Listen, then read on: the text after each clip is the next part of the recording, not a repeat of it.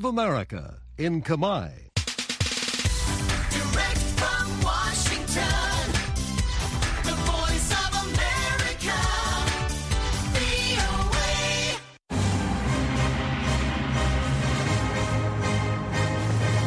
សួស្តីប្រិយមិត្តអ្នកស្ដាប់ជាទីមេត្រី នៅក្នុងកម្មវិធីផ្សាយតាមវិទ្យុរបស់ VOA នៅព្រឹកថ្ងៃពុធទី21ខែកុម្ភៈឆ្នាំ2024នេះខ្ញុំជើងពូជីននិងសហការីនៃក្រុមផ្សាយពីខេមរៈភាសាសូមស្វាគមន៍ប្រិយមិត្តពីរដ្ឋធានី Washington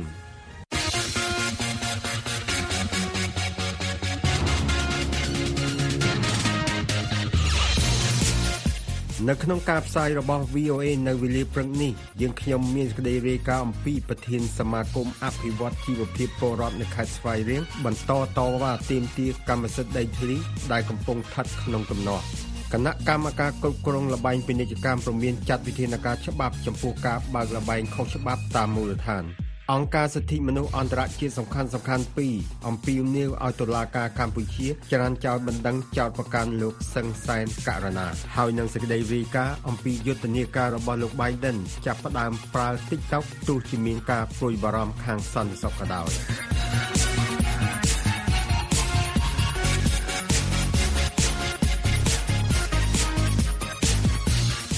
ទំនាស់ដីធ្លីរបស់គ្រួសារប្រធានសមាគមអភិវឌ្ឍជីវភាពពលរដ្ឋនៅខេត្តស្វាយរៀងនៅបន្តជាប់គាំងរោគច្រកចេញមិនរួចដោយសារដីដែលស្ថិតនៅក្នុងឃុំត្រពាំងស្ដៅត្រូវបានតុលាការខេត្តសម្រេចថាជាដីរបស់សាលាឃុំទំនាស់កាន់តែតានតឹងខ្លាំងនៅពេលប្រធានសមាគមរូបនេះមានបំណងលក់ឈើធ្នង់ដែលជាប្រភេទឈើប្រណិតចំនួន6ដើមនៅលើដីនោះតែសាលាឃុំមិនអនុញ្ញាត កញ្ញាចិត្តស្រីយ៉ារាយការណ៍ឲ្យ VOA ពីរាជធានីភ្នំពេញដូចតទៅអញ្ញាធរក្នុងស្រុករមាសហែកខេត្តស្វាយរៀងនៅមិនទាន់អាចរកដំណោះស្រាយបញ្ចប់ទំនាស់ដីធ្លីរវាងគ្រួសារប្រជាពលរដ្ឋម្នាក់ដែលជាប្រធានសមាគមមួយនៅក្នុងខេត្តដែលមានព្រំប្រទល់ជាប់នឹងប្រទេសវៀតណាមដោយសារដីដែលកំពុងរស់នៅស្ថិតនៅក្នុងចំនួននោះត្រូវបានសាលាឃុំត្រពាំងស្ដេចអះអាងថាតុលាការបានកាត់ឲ្យមកស្ថិតក្រោមការកាន់កាប់របស់សាលាឃុំ សេចក្តីប្រកាសព័ត៌មានរបស់រដ្ឋបាលខេត្តស្វាយរៀងចុះផ្សាយកាលពីថ្ងៃទី4ខែកុម្ភៈឆ្នាំ2024បានបង្ហាញថាបញ្ហាទំនាស់ដីធ្លីរវាងសាលាឃុំត្រពាំងស្ដៅ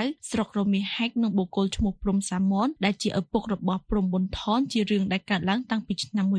1995ហើយត្រូវបានសាលាដំបងខេត្តស្វាយរៀងចេញសារក្រមឲ្យសាលាឃុំត្រពាំងស្ដៅឈ្នះក្តី ដូច្នេះរដ្ឋបាលឃុំមានសិទ្ធិកម្មសិទ្ធិអាស្រ័យផល និងចាត់ចែងលើដីដែលខ្លួនគ្រប់គ្រងតាមច្បាប់ជាធរមានក៏ប៉ុន្តែលោកព្រំប៊ុនថនប្រធានសមាគមអភិវឌ្ឍជីវភាពពលរដ្ឋកម្ពុជាខេត្តស្វាយរៀងបានចេញសេចក្តីឆ្លើយតបទៅនឹងសេចក្តីប្រកាសនោះដោយបានផ្ដល់ការពន្យល់ថាដីដែលលោកកំពុងរស់នៅជាដីគេពីឪពុករបស់លោកតាំងពីមុនឆ្នាំ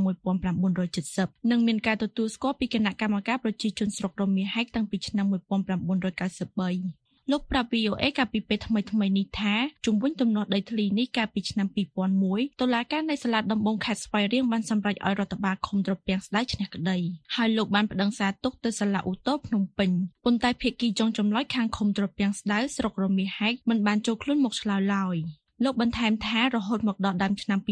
2017 សាលាឃុំត្រពាំងស្ដៅបានហៅរូបលោកមកទទួលយកដីទំនាស់នោះដោយធ្វើការវាស់វែងនិងបោះបង្គោលព្រំបែងចែករវាងដីរបស់គាត់និងដីរបស់ឃុំដែលនៅជិតគ្នានោះប៉ុន្តែក្រោយការវាស់វែងនោះលោកមិនទាន់ទទួលបានប្លង់ដីដែលជាទីលំនៅបច្ចុប្បន្នរបស់លោកនោះឡើយកាលពីមុនមកអាជ្ញាធរធ្លាប់គម្រាមកំហែងយើងយើងចាក់ចេញពីដីចឹងដែរតែយើងមិនមិនមិនចាក់ចេញតាមការគម្រាមកំហែងទេយើងនៅរត់ដីនឹងរហូតមកដល់សប្តាហ៍ថ្ងៃហ្នឹងអញ្ចឹងមានការធ្វើទុកបុកម្នេញយើងរហូតដែរអញ្ចឹងណា ពិបាកក្នុងការរស់នៅកណាមានការរំខានការអីចឹងទៅគឺពិបាករស់នៅណាស់ តេតិននឹងបញ្ហាដែលកើតឡើងថ្មីថ្មីៗនេះលោកព្រំប៊ុនថនត្រូវលក់ដើមឈើដែលនៅក្នុងដីរបស់លោកដែលជាប្រភេទឈើធ្នង់និងត្រូវសុំការបញ្ជាក់ពីខាងឃុំថាដើមឈើនោះជារបស់លោកប៉ុន្តែខាងឃុំមិនបានបញ្ជាក់ឡើយដោយថានោះជាដីរបស់ឃុំអឺចុងក្រោយនេះខ្ញុំអឺលក់ដើមឈើដើមឈើខ្ញុំនៅលើដីខ្ញុំហ្នឹងណាមាន6ដើមអញ្ចឹងទៅខ្ញុំក៏ទៅឲ្យអាជ្ញាធរបញ្ជាក់អំពីឈើហ្នឹងទៅជាកម្មសិទ្ធិរបស់យើងអញ្ចឹងណាអញ្ចឹងទៅអាជ្ញាធរគេអត់បញ្ជាក់គេថាអត់មានបញ្ជាក់ទេដីហ្នឹងព្រោះដីហ្នឹងដីរបស់ឃុំមកអីចឹងទៅអញ្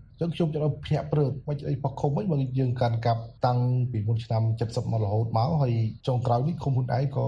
បានដឹងឮក្នុងការបកគោលដីឲ្យខ្ញុំវិញដែរបីក៏មិនប្រពជាឲ្យលោកព្រំប៊ុនថនស្នើឲ្យអាជ្ញាធរជួយចេញប្លង់កម្មសិទ្ធិដល់ក្រុមគ្រួសាររបស់លោកនិងបញ្ឈប់អេរយាប័តរំលោភបំពានសិទ្ធិលំនៅឋានរបស់គ្រួសារលោកនិងធ្វើការស្រាវជ្រាវស៊ើបអង្កេតឯករាជ្យដោយបង្ហាញឯកសារដល់ភាគីពាក់ព័ន្ធនិងសាធារណជនបានដឹង យ៉ាងណាក៏ដោយរដ្ឋបាលឃុំត្រពាំងស្ដៅបានបញ្ជាក់ VOA ឲ្យដឹងតាមប្រព័ន្ធទំនាក់ទំនង Telegram ថាដីដែលលោកព្រំប៊ុនថនកំពុងតវ៉ាទាមទារធ្វើបានកម្មសិទ្ធិនោះជាដីកម្មសិទ្ធិរបស់រដ្ឋស្ថិតក្រោមការគ្រប់គ្រងរបស់សាលាឃុំបើតាមសាររបស់រដ្ឋបាលសាលាឃុំត្រពាំងស្ដៅដីនេះនៅមុនឆ្នាំ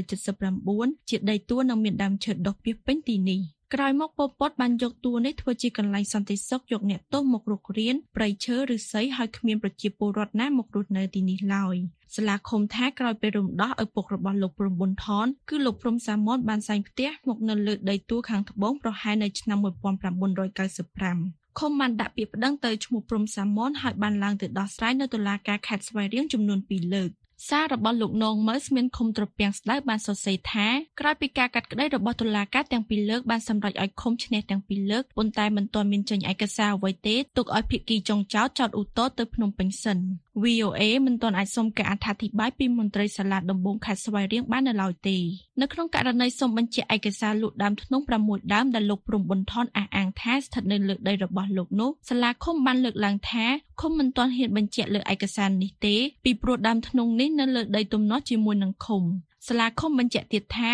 ខ្លួនមានប្លង់រឹងលើដីដែលកំពុងមានទំនាស់ជាមួយនឹងឪពុករបស់លោកព្រំប៊ុនថន គួររំលឹកថាដីដែលក្រុមគ្រួសាររបស់លោកព្រំប៊ុនថនកំពុងកាន់កាប់បច្ចុប្បន្នមានទំហំ 75A ឬស្មើនឹង7500ម៉ែត្រការ៉េដែលមានព្រំប្រទល់ខាងជើងទល់នឹងរបងប៉ុស្តិ៍ប៉ូលីសដែលពីមុនជាដីរបស់ឃុំលោកប៊ុនថនបញ្ជាក់ថាកន្លងមកខាងអាជ្ញាធរធ្លាប់បានគម្រាមកំហែងឲ្យគ្រួសាររបស់លោកចាក់ចេញពីដីនេះផងដែរប៉ុន្តែគ្រួសាររបស់លោកមិនព្រមចាក់ចេញព្រោះជាដីគេដូនតាចែកជូនឲ្យឪពុកលោករីកាពីរាជធានីភ្នំពេញ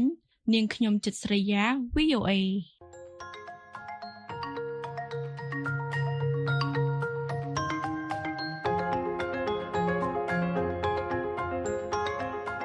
សូមស្វាគមន៍មកកាន់កម្មវិធី podcast កម្ពុជាសម្លឹងទៅមុខរដូវកាលទី2 ប្រិមិត្តជាទីមេត្រី កាលពីរដូវកាលទី1អស់លោកអ្នកនាងបានស្ដាប់កម្មវិធី podcast កម្ពុជាសម្លឹងទៅមុខដល់ទៅ16ភាគដែលក្រុមអ្នកស្រាវជ្រាវកម្ពុជាឆ្នើមនិងវ័យក្មេងជាច្រើនអ្នកបានពិភាក្សានិងបកស្រាយអំពីទស្សនវិស័យនិងសក្តានុពលដែលជំរុញឲ្យមានការផ្លាស់ប្តូរវិជ្ជមានលើវិស័យនានាក្នុងប្រទេសកម្ពុជារាប់ទាំងវិស័យអប់រំសេដ្ឋកិច្ចសុខាភិបាលការទូតបរិស្ថាននិងអភិបាលកិច្ចជាដើមរដូវកាលទី2របស់យើងនឹងបដោតលើប្រធានបទធំមួយដែលយើងហៅថាវប្បធម៌ Digital ឬជាភាសាអង់គ្លេស Digital Culture និយាយទៅវាសំដៅលើឱកាសនិងកត្តាប្រឈមនៃការប្រើប្រាស់បច្ចេកវិទ្យានានាដើម្បីដោះស្រាយបញ្ហាប្រឈមក្នុងសង្គមនិងជំរុញឲ្យមានការផ្លាស់ប្តូរវិជ្ជមានជាបន្តបន្ទាប់ហើយជាពិសេសបង្កើនលទ្ធភាពឲ្យកម្ពុជាសម្រេចបាននូវគោលដៅអភិវឌ្ឍរបស់ខ្លួនក្នុងគ្រប់វិស័យដោយរដូវកាលទី1ដែរលោកអ្នកនាងអាចស្ដាប់ podcast កម្ពុជាសម្លឹងទៅមុខវប្បធម៌ Digital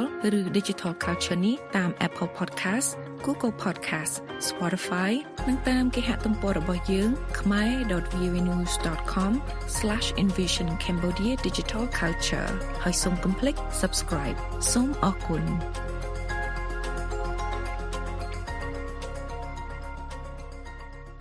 មួយរយៈពេលចុងក្រោយនេះមានការដាក់ចេញវិធានការបង្ការនិងទប់ស្កាត់លបែងស៊ីសងនៅតាមមូលដ្ឋាន ពីសំណាក់អាជ្ញាធរថ្នាក់ក្រោមជាតិនិងរដ្ឋាភិបាលហើយក្នុងនោះក៏មានការប្រមានដកហូតអាជ្ញាប័ណ្ណនិងចាត់វិធានការផ្លូវច្បាប់ជាដើមក៏ប៉ុន្តែអ្នកតាមដានយល់ថាការផ្សព្វផ្សាយជាសាធារណៈឲ្យបានទូលំទូលាយចំពោះទីតាំងលបែងផ្សងសំណាង ឬបញ្ចប់ការផ្ដល់អាជ្ញាប័ណ្ណទើបធ្វើឲ្យកិច្ចការនេះមានប្រសិទ្ធភាព លោកលាស់លីបលីបរាយការណ៍ VOA ពីរាជធានីភ្នំពេញដូចតទៅ គណៈកម្មការគ្រប់គ្រងល្បីពាណិជ្ជកម្មកម្ពុជាណែនាំសមាជិកពាក់ព័ន្ធឲ្យត្រួតពិនិត្យតាមដាននិងចាត់វិធានការផ្លូវច្បាប់ចំពោះការលួចលាក់ធ្វើអាជីវកម្មនិងបើកបរល្បែងស៊ីសងខុសច្បាប់ដូចជាឆ្នោតកន្ទុយលេខដែលបានធ្វើឲ្យប៉ះពាល់យ៉ាងធ្ងន់ធ្ងរដល់ជីវភាពរស់នៅរបស់ប្រជាពលរដ្ឋនិងគោលនយោបាយភូមិឃុំសង្កាត់មានសុវត្ថិភាពនេះបាទតាមសេចក្តីណែនាំមួយចុះថ្ងៃទី19ខែកុម្ភៈឆ្នាំ2024នេះជាប្រតិកម្មថ្មីមួយទៀតទៅនឹងការបង្ក្រាបប្រតិបត្តិការលបាយស៊ីសងដែលគ្មានច្បាប់អនុញ្ញាតបន្ទាប់ពីលោកនាយរដ្ឋមន្ត្រីហ៊ុនម៉ាណែតបានបញ្ជាឲ្យអភិបាលរាជធានីខេត្តត្រួតពិនិត្យលបែងផ្សងសំណាងនៅតាមមូលដ្ឋាននីមួយៗនៅទូទាំងប្រទេសនិងត្រូវចាត់វិធានការបន្ទាន់ដូចជាបិទទ្វារឬដល់អាជ្ញាប័ណ្ណអាជីវកម្មលបែងស៊ីសងក្នុងករណីមានការបង្កើតអាជីវកម្មថ្មីៗបន្ថែមទៀតគណៈកម្មការគ្រប់គ្រងលបែងពាណិជ្ជកម្មកម្ពុជាបានធ្វើការកត់ចំណាំនៅក្នុងសេចក្តីណែនាំរបស់ខ្លួនថានៅតាមមូលដ្ឋានរាជធានីខេត្តមួយចំនួនមានការលួចលាក់ធ្វើអាជីវកម្មលបែងផ្សងសំណាងនៅលើទីតាំងដែលគ្មានអាជ្ញាប័ណ្ណលបែងផ្សងសំណាងឬលិខិតអអនុញ្ញាតប៉ុស្តិ៍សេវាលបែងផ្សងសំណាងពីគណៈកម្មការគ្រប់គ្រងលបែងពាណិជ្ជកម្មកម្ពុជានិងការលួចលាក់បង្កប់លបែងស៊ីសងខុសច្បាប់រួមមានឆ្នោតកន្ទុយលេខខេណូនិងលបែងស៊ីសងខុសច្បាប់ដទៃទៀតដែលធ្វើឲ្យប៉ះពាល់យ៉ាងធ្ងន់ធ្ងរដល់សន្តិភាពសាធារណៈសន្តិសុខសង្គមជីវភាពរស់នៅរបស់ប្រជាពលរដ្ឋនិងគោលនយោបាយភូមិឃុំសង្កាត់មានសុវត្ថិភាពអគ្គលេខាធិការនៃគណៈកម្មការគ្រប់គ្រងលបែងពាណិជ្ជកម្មកម្ពុជាលោករស់ភិរុនប្រាប់ VOA ថាសេចក្តីណែនាំរបស់គណៈកម្មការគ្រប់គ្រងលបែងពាណិជ្ជកម្មកម្ពុជា ជាសារជូនដំណឹងដើម្បីឲ្យអ្នកពាក់ព័ន្ធទាំងអស់ដូចជាប្រតិបត្តិការអគ្គលេខាធិការដ្ឋាននៃគណៈកម្មការគ្រប់គ្រងលបែងពាណិជ្ជកម្មកម្ពុជានិងអាជ្ញាធរមានសមត្ថកិច្ចយកចិត្តទុកដាក់និងពង្រឹងការអនុវត្តច្បាប់ដើម្បីឲ្យមានប្រសិទ្ធភាពលើការគ្រប់គ្រងលបែងផ្សងសំណាងនៅទូទាំងប្រទេសហើយកុំឲ្យមានការរិះសាយភាគបន្ថែមទៀតពាក្យថាសងតំណាងគឺមានតែផ្អែកលើតំណាងមិនមានន័យថាតបគេយកឈ្នះយកចាញ់ទេ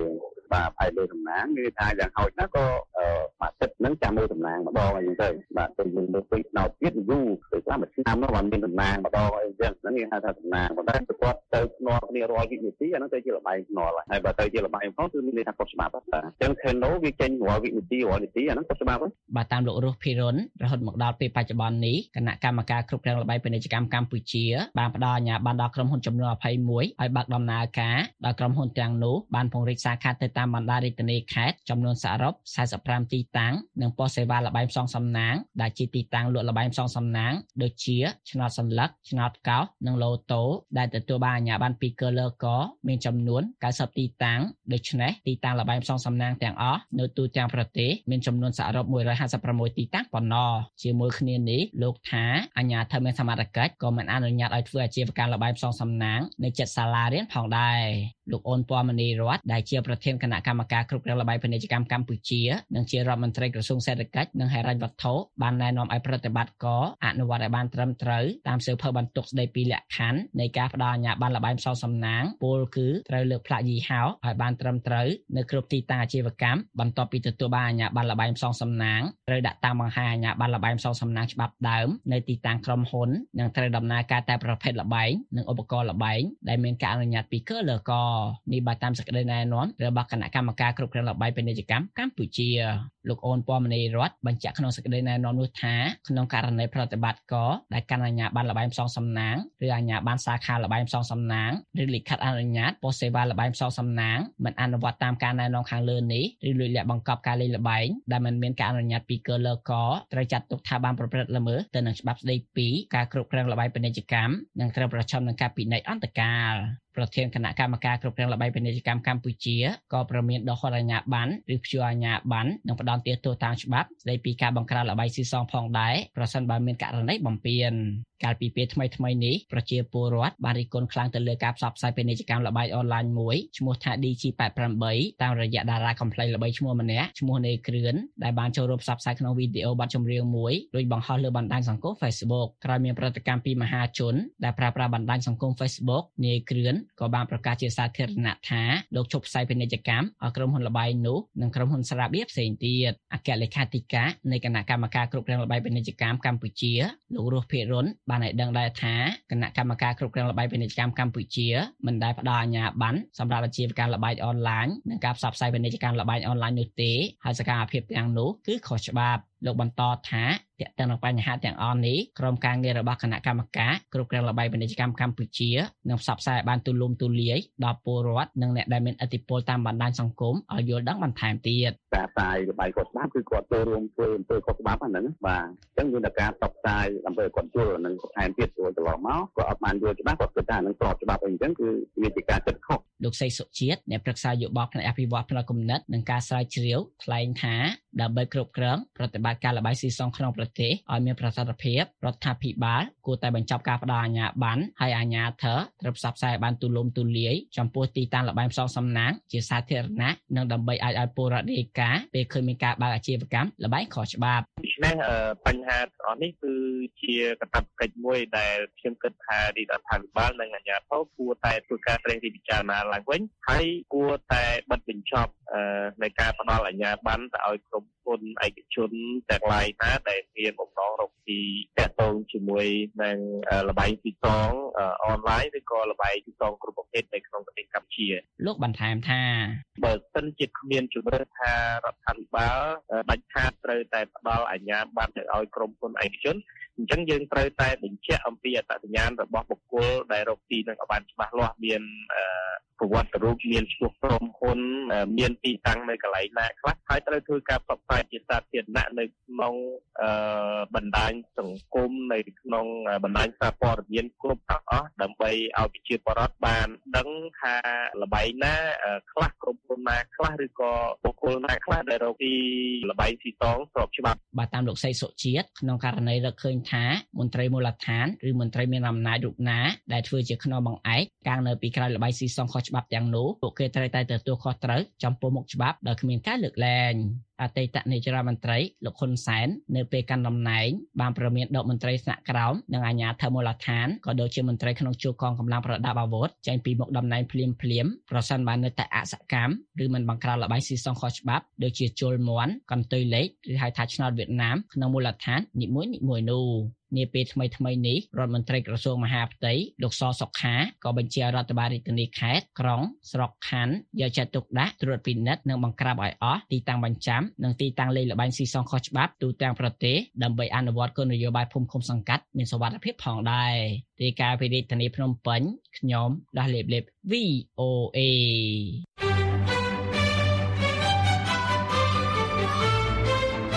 ប្រិយមិត្តជាទីមេត្រីឥឡូវនេះ កម្មវិធី Hello VOA ស្ដីពីសុខភាពដែលតែងតែចាក់ផ្សាយនៅរៀងរាល់រាត្រីថ្ងៃប្រហ័សសប្តាហ៍ទី3នៃខែនីមួយៗក៏មានជាវីដេអូផងដែរលោកអ្នកអាចទស្សនាកម្មវិធី Hello VOA ស្ដីពីសុខភាពនេះបានដោយចូលទៅកាន់គេហទំព័ររបស់យើងខ្ញុំដែលមានអាស័យដ្ឋាន khmer.voanews.com រួចចុចលើកម្មវិធី Hello VOA នោះលោកអ្នកនឹងចូលដល់ទំព័រមួយទៀតដែលមានកម្មវិធី Hello VOA សុខភាពហើយលោកអ្នកអាចទស្សនាវីដេអូមួយណាក៏បាន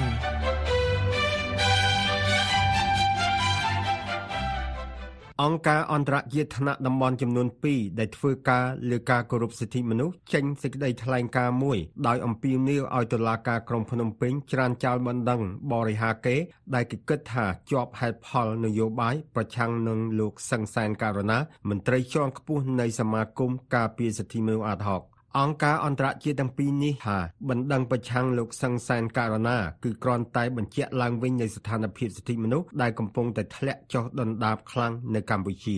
លោកសឹមច័ន្ទសំណាងរីកាយ VOA ពីរាជធានីភ្នំពេញដោយតទៅអង្គការអន្តរជាតិថ្នាក់តំបន់ដែលធ្វើការលើការគោរពសិទ្ធិមនុស្សនិងប្រជាធិបតេយ្យរួមមានវេទិកាអាស៊ីសម្រាប់ការអភិវឌ្ឍសិទ្ធិមនុស្ស Forum Asia និងសម្ព័ន្ធពិភពលោកសម្រាប់ការចូលរួមរបស់ពលរដ្ឋ Civicus បានស្នើឲ្យតុលាការក្រុងភ្នំពេញច្រានចោលបណ្ដឹងបរិហាកេប្រឆាំងនឹងលោកសង្សានករណាដែលលើកហេតុផលថាបណ្ដឹងនោះមានជាប់ហេតុផលនយោបាយ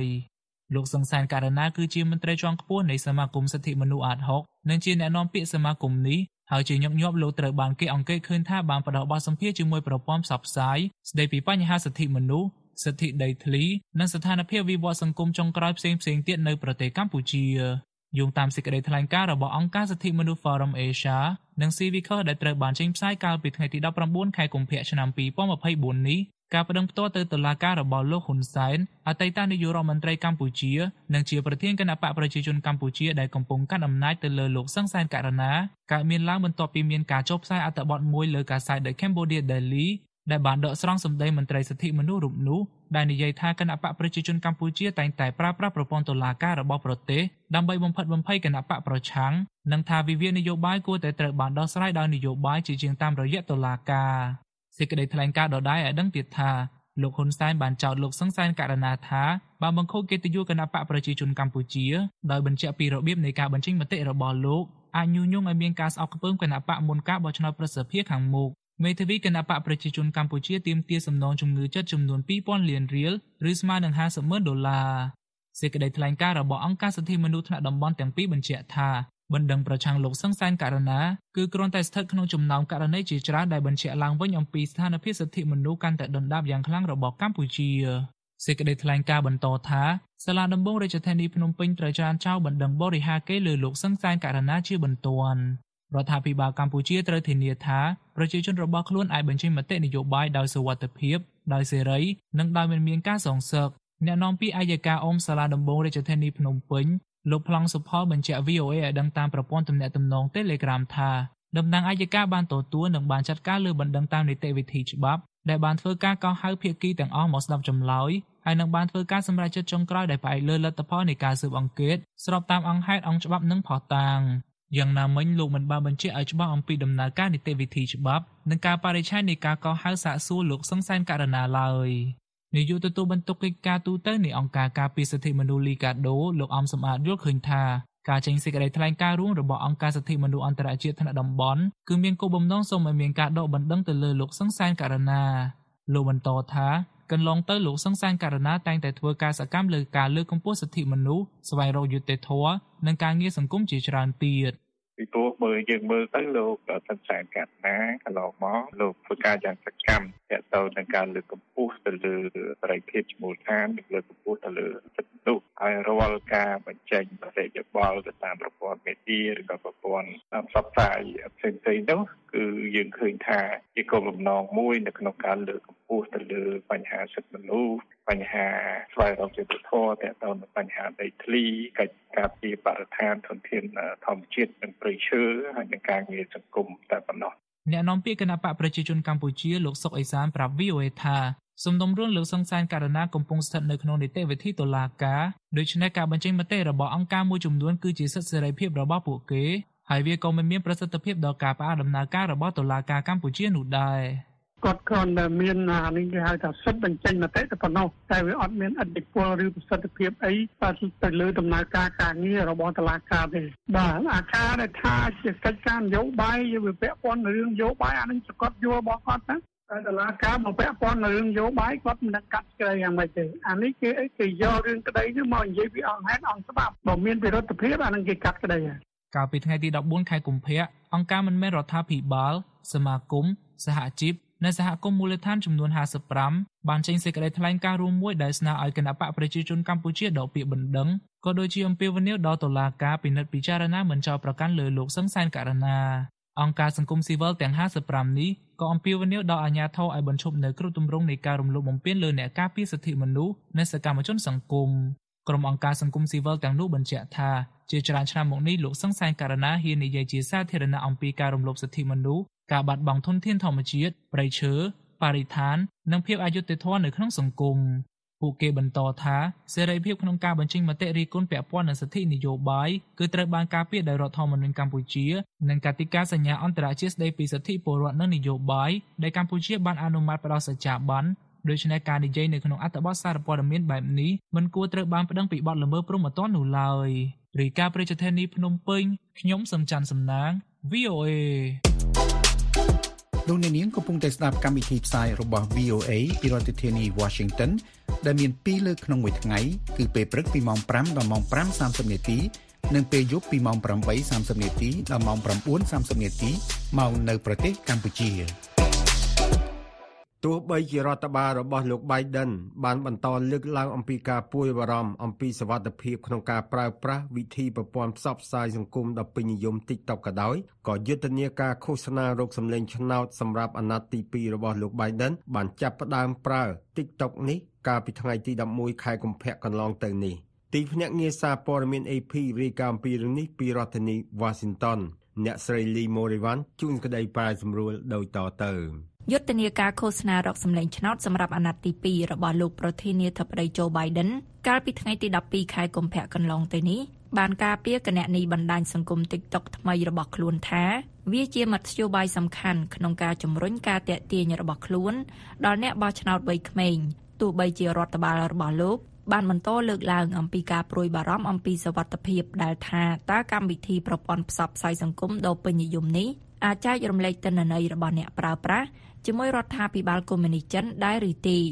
យុទ្ធនាការរបស់លោក Biden បានចាប់ផ្ដើមប្រើ TikTok នេះដោយបង្ហាញពីលោកប្រធានាធិបតីដែលត្រូវបានគេសាកសួរនៅឯការប្រកួតផ្ដាច់ព្រាត់កីឡាហ្វុតបអលអាមេរិក Super Bowl កាលពីថ្ងៃទី11ខែកុម្ភៈហើយមានរួមបញ្ចូលនៅទ្រឹស្ដីខុបខិតខាងនយោបាយដែលផ្ដោតលើតារាចម្រៀងដ៏ល្បីឈ្មោះគឺនាង Taylor Swift លោក Rob Flaherty អអនុប្រធានគ្រប់គ្រងយុទ្ធនាការសម្រាប់អាណត្តិទី2របស់លោក Biden នេះបាននិយាយនៅក្នុងសេចក្តីថ្លែងការណ៍មួយថាការបង្ហាញខ្លួនជាលើកដំបូងនៅលើ TikTok របស់លោកប្រធានាធិបតីកាលពីយប់មិញដោយមានការមើលច្រើនជាង5លានដង ហើយចំនួននៃការមើលនឹងកើនឡើងទៀតនោះគឺជាភស្តុតាងវិជ្ជមាននៃការបដិញ្ញាចិត្តនិងភាពជោគជ័យរបស់យើងក្នុងការស្វែងរកវិធីច្នៃប្រឌិតថ្មីដើម្បីឈោងទៅដល់អ្នកបោះឆ្នោតនៅក្នុងបរិយាកាសប្រព័ន្ធផ្សព្វផ្សាយដែលមានការវិវត្ត ការបែងចែកជាច្រើននិងមានលក្ខណៈផ្ទាល់ខ្លួនកាន់តែខ្លាំងឡើង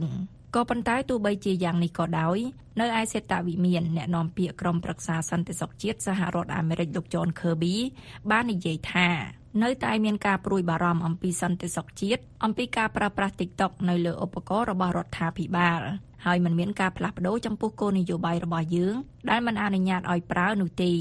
លោក Kirby បានបង្វែរសំណួរភាកច្រើនអំពីការប្រើប្រាស់ TikTok ទៅកាន់យុទ្ធនាការរបស់លោក Biden ជាអ្នកឆ្លើយហើយជាវៀងមិនឆ្លើយសំណួរទូទៅមួយអំពីថាតើការប្រើកម្មវិធីនេះជារឿងវៃឆ្លាតដែរឬទេលោកបាននិយាយថាបញ្ហាសវត្ថភាពដែលអាចកើតមាន គឺពាក់ព័ន្ធទៅនឹងការបារម្ភអំពីការរក្សាទុកទិន្នន័យនិងការប្រើប្រាស់ទិន្នន័យនិងព័ត៌មានឯកជនភាពមិនត្រឹមត្រូវដោយជនបរទេសទាំងការិយាល័យស៊ើបអង្កេតសហព័ន្ធ FBI និងគណៈកម្មការគមនាគមន៍សហព័ន្ធបានប្រមានថាក្រុមហ៊ុនបច្ចេកវិទ្យាចិន ByteDance ដែលជាម្ចាស់ TikTok អាចចែករំលែកទិន្នន័យរបស់អ្នកប្រើប្រាស់ដូចជាប្រវត្តិរករក ទីតាំង និងអត្តសញ្ញាណជីវម៉ាត្រជាមួយរដ្ឋាភិបាលផ្ដាច់ការរបស់ប្រទេសនោះនៅក្នុងឆ្នាំ2022លោក Biden បានចុះហត្ថលេខាលើច្បាប់ហាមឃាត់បុគ្គលិកជិត4លាននាក់របស់រដ្ឋាភិបាលសហព័ន្ធមិនឲ្យប្រើប្រាស់ TikTok នៅលើឧបករណ៍ដែលគ្រប់គ្រងដោយទីភ្នាក់ងាររបស់ខ្លួនដោយមានការលើកលែងមានកំណត់សម្រាប់ការអនុវត្តច្បាប់ក្នុងគោលបំណងស្រាវជ្រាវផ្នែកសន្តិសុខនិងសន្តិសុខជាតិដោយឡែកគណៈកម្មាធិការសម្ងាត់និងដ៏មានឥទ្ធិពលលើការវិនិយោគបរទេសនៅសហរដ្ឋអាមេរិកបាននឹងកំពុងពិនិត្យមើល TikTok នេះអស់ពេលជាច្រើនឆ្នាំមកហើយ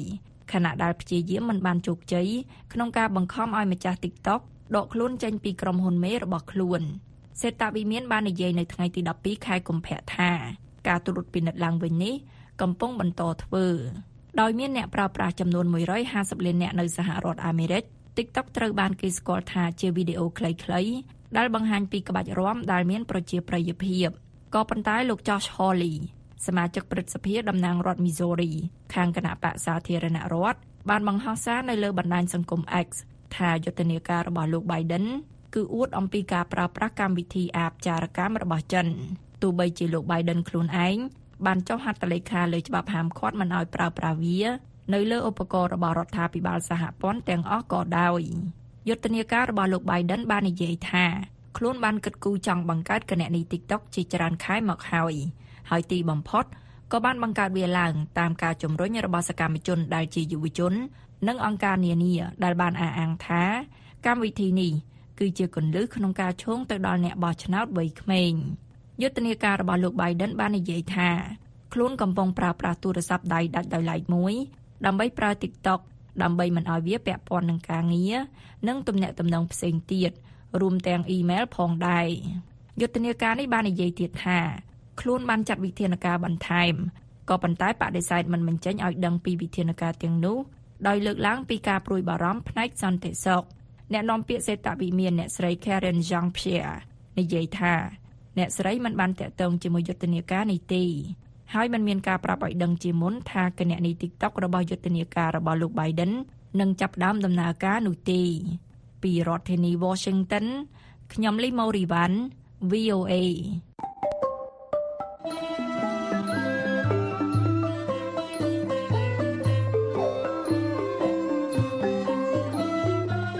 ្មវិធីផ្សាយរបស់ VOA នៅព្រឹកនេះចាប់តែត្រឹមនេះ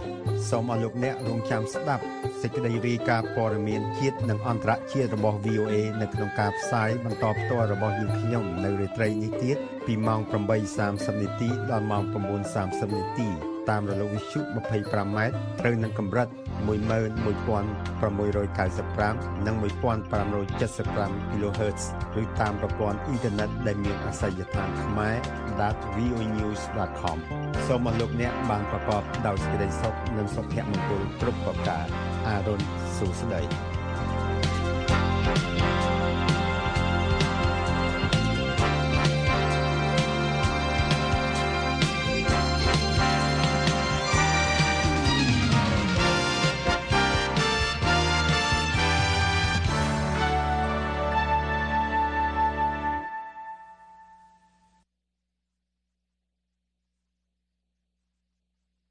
This program has come to you from the Voice of America, Washington.